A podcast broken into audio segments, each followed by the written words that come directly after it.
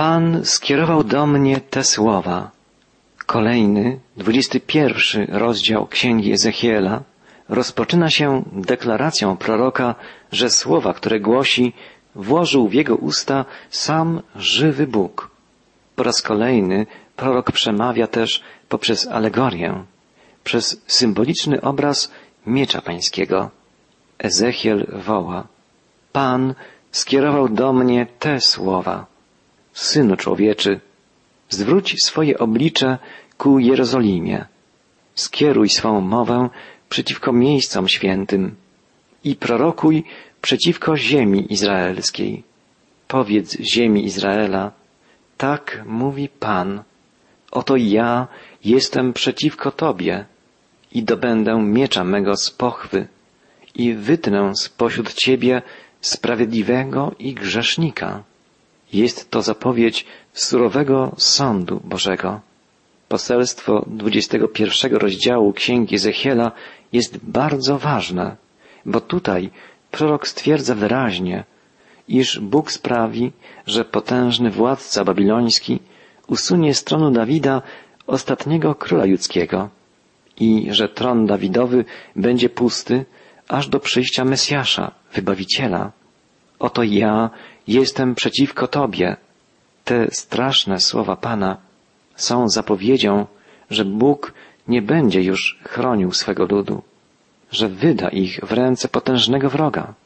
Po raz pierwszy słyszymy tak zdecydowane i straszne słowa wypowiedziane do ludu Jerozolimy.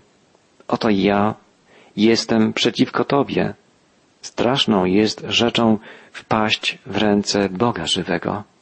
I wszyscy poznają, że ja, Pan, wydobyłem miecz z pochwy. Już nie powróci do niej. To zapowiedź strasznego, surowego i trwałego sądu nad Jerozolimą. Karzący miecz Pana będzie stale wyciągnięty nad tym miastem, aż do przyjścia Mesjasza, Wybawiciela. Wszyscy poznają, że to ja, Pan, działam. Przekazuje prorok słowa Pana i otrzymuje niezwykłe polecenie. Ty zaś, synu człowieczy, jęcz, jakbyś miał biodra złamane. W goryczy jęcz na ich oczach. A gdy powiedzą do ciebie, dlaczego jęczysz, odpowiedz, z powodu wieści, która gdy nadejdzie, wszystkie serca osłabną, wszystkie ręce omdleją, wszelki duch zamilknie i wszelkie kolano się rozpłynie jak woda. Oto nadchodzi, dokonuje się wyrocznia Pana, Boga. Ezechiel ma swoim zachowaniem, jakby samym sobą ukazać grozę nieuchronnego sądu Bożego. Ma stać się znakiem, symbolem tragedii, jaka wydarzy się w Jerozolimie. Już wcześniej prorok żalił się, ach, Panie, Boże, oni mówią o mnie, ten tylko przypowieści opowiada. Teraz Ezechiel sam ma stać się niejako przypowieścią, symbolem, znakiem. Niełatwe to zadanie dla Ezechiela, który był przecież tylko człowiekiem.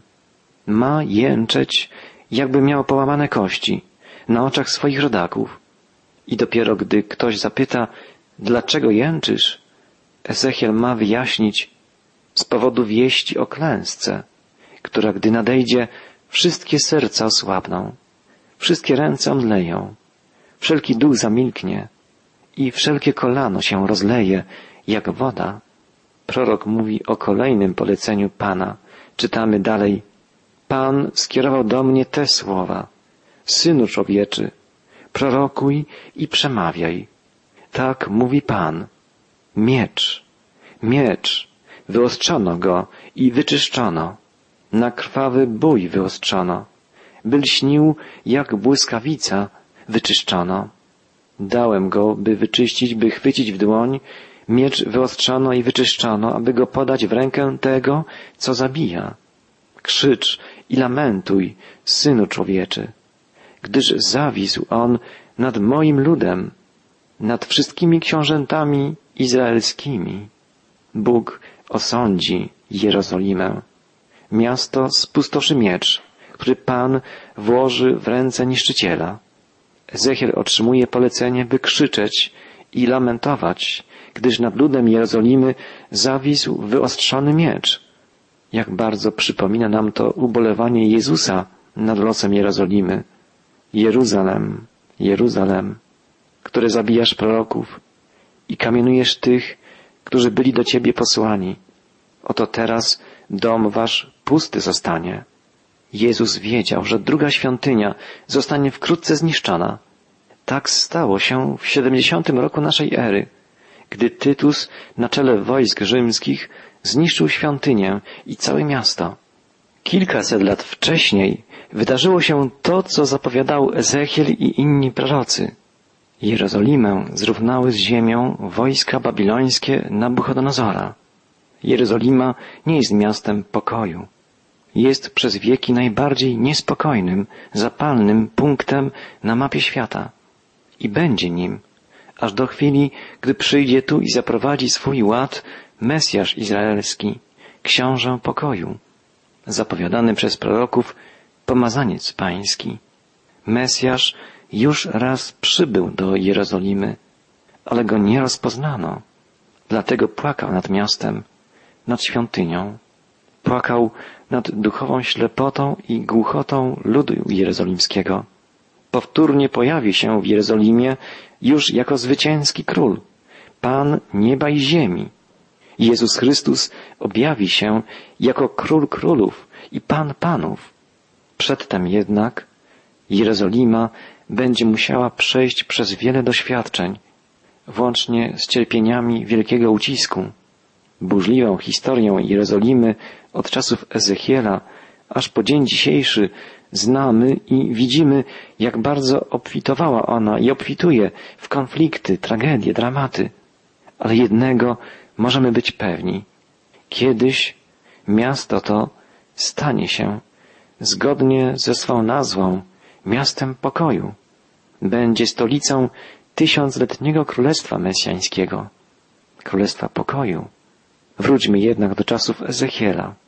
Prorok zapowiada sąd nad Jerozolimą, zapowiada zniszczenie pierwszej świątyni, upadek dynastii Dawida. Przyczyna tej tragedii jest oczywista. Nieposłuszeństwo, odstępstwo, duchowa zdrada względem Boga, Pana Izraela. W drugiej części 21 rozdziału Księgi Ezechiela czytamy Potem Pan skierował do mnie te słowa. Synu człowieczy, nakreśl sobie dwie drogi, którymi pójdzie miecz króla babilońskiego. Obydwie będą wychodziły z jednego kraju.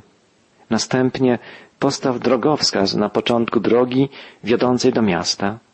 Potem nakreśl drogę, którą pójdzie miecz do Rabamonitów, ku Judzie, do samej Jerozolimy. Albowiem król babiloński stanął na rozdrożu, na początku obydwu dróg, aby się pytać wyroczni, potrząsa strzałami, zapytuje posążki bóstw i przypatruje się wątrobie. Nabuchodonozor był poganinem, czcicielem bóstw babilońskich. Dowiadujemy się, że stosował przed wyruszeniem do rozstrzygającej bitwy różne formy wróżb. Między nimi, jak czytaliśmy, potrząsał strzałami. Był to rodzaj wróżby, którą możemy porównać do dzisiejszego rzucania kostki, albo rzucania kości, czy wróżenia z fusów, z kart. Pod tym względem niewiele się zmieniło. Współczesny człowiek wcale nie różni się od ludzi starożytnych czy żyjących w średniowieczu, jeśli chodzi o przesądność, o zabobonność. Ludzie wierzą, że karty czy horoskop ukażą im przyszłość. Obawiają się czarnego kota. Nie chcą się witać przez próg. Stukają w nieheblowane drewno. Nie życzą sobie, żeby im życzyć powodzenia przed egzaminem tak jakby wszystkie te okoliczności sterowane były przez niejasne siły, decydujące o ich powodzeniu lub niepowodzeniu. Może zresztą stoją za tymi sprawami jakieś siły. Na pewno jednak nie pochodzą one od Boga. A przecież to właśnie On, Pan świata, Pan historii, Stwórca i Zbawiciel, trzyma w swoim ręku teraźniejszość i przyszłość każdego z nas. Tak jest dzisiaj Tak było za dni Ezechiela. Nabuchodonozor nie dlatego podbił Jerozolimę, że wyszła mu pomyślna wróżba, ale dlatego, że był narzędziem w ręku wszechmocnego Boga, który postanowił ukarać swój lud za odstępstwo, za nieposłuszeństwo. Pamiętajmy, cała teraźniejszość, cała przeszłość i przyszłość są w ręku Boga, Stwórcy i Pana świata. On kieruje losami każdego człowieka, kieruje dziejami narodów, historią całej ludzkości.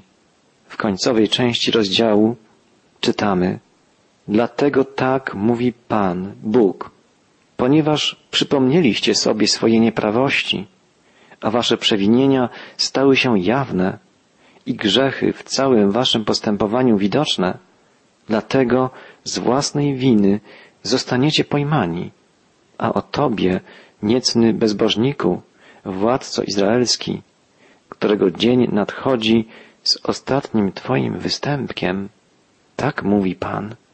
Do kogo zwraca się prorok w imieniu Pana? Do Sedecjasza, ostatniego króla judzkiego, złego, bezbożnego króla, którego występki zostaną ukrócone. Nadchodzi czas sądu i będzie to koniec nie tylko rządów Sedecjasza, ale w ogóle koniec wszelkiej jego pomyślności. Zginą jego synowie. Sam król zostanie oślepiony i uprowadzony do niewoli. Tak mówi Pan, Bóg. Zdejm zawój, usuń koronę. Wszystko będzie inne. Co jest małe, zostanie wywyższone, a to, co wysokie, poniżone. Sedecjasz, mimo że należał do dynastii Dawidowej, został poniżony, upokorzony. Taka jest konsekwencja grzechu, odstępstwa. Nikt po nim nie zasiądzie na tronie Dawida, aż nadejdzie wielki syn Dawida, Mesjasz, odkupiciel. Ruinę, ruinę z ciebie uczynię, taką, jakiej nigdy nie było, dopóki nie przyjdzie ten, do którego należy sąd i któremu go przekażę. To jest niezwykle ważne proroctwo. Dopóki nie przyjdzie ten, do którego należy sąd i któremu go przekażę, te słowa Pana odnoszą się do Jezusa, do Mesjasza. To On, pomazaniec Pański, Mesjasz, Chrystus, będzie tym, który przyjdzie, by dokonać sprawiedliwego sądu nad światem. Po upadku Sedecjasza nikt z linii Dawidowej nie zasiadł na tronie w Jerozolimie. Królem Izraela będzie dopiero Mesjasz, Chrystus. Teraz przebywa on po prawicy Ojca w niebie. Przyjdzie jednak powtórnie na ziemię i wtedy wszyscy jego wrogowie staną się pod nóżkiem jego stóp. Będzie panował nad całym światem. To bardzo ważne, doniosłe proroctwo jest zasygnalizowane już w pierwszej księdze Biblii, księdze Rozaju, Genezis, gdzie czytamy w rozdziale 49 o proroczych wypowiedziach Jakuba, błogosławiącego swoich dwunastu synów, protoplastów dwunastu pokoleń Izraela. Jakub powiedział do Judy, nie oddali się berło od Judy, ani buława od nóg jego, aż przyjdzie władca jego i jemu będą posłuszne narody. Berło jest znakiem władzy królewskiej. Królem nad wszystkimi narodami będzie potomek Judy, lew z pokolenia Judy, Mesjasz, Chrystus. Jan Chrzciciel, zapowiadając nadejście Jezusa, wołał, upamiętajcie się, bo przybliżyło się Królestwo Niebios. Królestwo Boże przybliżyło się w osobie Mesjasza, Króla, zapowiadanego przez wszystkich proroków Zbawiciela i Pana. Dla tych, którzy go odrzucili, jego nadejście będzie czymś przerażającym, bo przyjdzie on, by ich osądzić. Ezechiel prorokuje o mieczu, mieczu pańskim, wydobytym, by karać, o mieczu wyostrzonym, by dokonać zagłady. Czytamy dalej. Podczas gdy Tobie ukazuje się mylne wyrocznie i jawią Ci się zwodnicze zapowiedzi, aby go spuścić na kark złoczyńców bezbożnych, których dzień nadszedł z ostatnim ich występkiem. To proroctwo odnosi się bezpośrednio do Ammonitów, ale w ostatecznym sensie dotyczy wszystkich przeciwników Bożych w czasach końca. Dotyczy, jak czytaliśmy, bezbożnych złoczyńców, których dzień nadszedł z ostatnim ich występkiem. W drugim liście apostoła Pawła do Tesaloniczan czytamy Wtedy objawi się ów niegodziwiec, którego Pan Jezus zabije tchnieniem ust swoich i zniweczy blaskiem przyjścia swego. Pan Jezus Chrystus zniszczy, unicestwi wszystkich swoich nieprzyjaciół, włącznie z Antychrystem i jego mocodawcą, szatanem. W końcowych wierszach 21 rozdziału Księgi Ezechiela czytamy Wyleję na Ciebie mój gniew, rozniecę przeciwko Tobie ogień mojej zapalczywości i wydam Cię w ręce ludzi dzikich, sprawców zniszczenia. Staniesz się strawą dla ognia. Krew Twoja będzie płynąć w środku kraju i pozostawisz po sobie wspomnienia, ponieważ ja, Pan, tak powiedziałem. Te słowa kończą poselstwo 21 rozdziału Księgi Ezechiela. Prorok zapowiada zarówno upadek swego narodu, klęskę Jerozolimy i niewolę babilońską, jak i ostateczną rozprawę Mesjasza, Chrystusa z wszystkimi wrogami Bożymi. Dokona tego miecz pański. Sprawi to gniew Pana, spowodowany grzechem ludu Bożego. Następny 22 rozdział Księgi Ezechiela wylicza grzechy Jerozolimy. Boży prorok podkreśla, że przyczyną sądu pańskiego jest nieposłuszeństwo, odstępstwo ludu ludzkiego. Ezechiel woła, Pan skierował do mnie te słowa, a Ty, Synu Człowieczy, czy zechcesz sądzić? Czy zechcesz wydać wyrok na to krwawe miasto? Ukaż mu wszystkie jego obrzydliwości. Jerozolima zostaje nazwana krwawym miastem. Podobnie wołał Izajasz. Jakąż nierządnicą stało się to miasto wierne, niegdyś pełne praworządności. Sprawiedliwość w nim mieszkała, a teraz mordercy. Nad Jerozolimą płakał także Pan Jezus. Jeruzalem, które zabijasz proroków i kamienujesz tych, którzy do Ciebie byli posłani. Tak, przywódcy Izraela utracili duchowe poznanie. Stali się odstępcami, przestępcami, mordercami. Prorok Ezechiel tak woła dalej. Pan skierował do mnie te słowa. Synu człowieczy, powiedz jej, Ty jesteś ziemią, która nie została ani oczyszczona, ani obmyta w dzień burzy, której władcy zamieszkali w jej środku, są jak lew ryczący, co rozdziera zdobycz. Pożerają ludzi, zabierają bogactwa i kosztowności i mnożą wdowy wśród nich. Przywódcy duchowi Jerozolimy okazali się fałszywymi prorokami. Zapewniali o bezpieczeństwie, o pomyślności. Tymczasem prowadzili lud do upadku. Kapłani jej przekraczają moje prawo, bezczeszczą moje świętości nie rozróżniają pomiędzy tym, co święte i tym, co świeckie. Nie rozsądzają pomiędzy tym, co czyste, a tym, co nieczyste. A na szabaty zamknęli oczy, tak, że wśród nich doznają zniewagi. Także kapłani, odpowiedzialni za prowadzenie ludu w prawidłowym wypełnianiu Bożego prawa, zawiedli. Sami nie przestrzegali prawa. Nie mogli być więc przykładem, wzorem dla innych. Przywódcy pośród niej są jak wilki rozdzierające zdobycz. Czytamy dalej. Rozlewają krew, zabijają ludzi, aby osiągnąć niesprawiedliwe zyski. Natomiast prorocy pokrywają ich winy tynkiem, głosząc zwodnicze zapowiedzi i rozpowiadając im kłamliwe wierzby. Mówią oni, tak mówi Pan Bóg, podczas gdy Pan nie mówi. Również przywódcy polityczni, książęta Jerozolimy stali się przestępcami. Rozlewają krew, zabijają ludzi, by osiągnąć niesprawiedliwe zyski. Prorocy, zamiast piętnować ich grzech, pokrywają ich winy tynkiem, woła prorok. Głoszą nieprawdziwe, fałszywe zapowiedzi, wróżby. Tak więc wszyscy przywódcy, i ci świeccy, i ci duchowi, zupełnie zawiedli, pociągnęli za sobą cały lud. Lud tej ziemi mnoży gwałt i rozbój, krzywdzi ubogiego i nędzarza, a bezprawnie uciska cudzoziemca. I szukałem wśród nich męża, który by wystawił mur i stanął w wyłomie przede mną, by bronił tej ziemi i przeszkodził mi w jej niszczeniu. A nie znalazłem takiego. Wobec tego wyleję na nią mój gniew. W ogniu mojej zapalczywości wyniszczę ich. Na głowy ich składam odpowiedzialność za ich postępowanie. Wyrocznia Pana.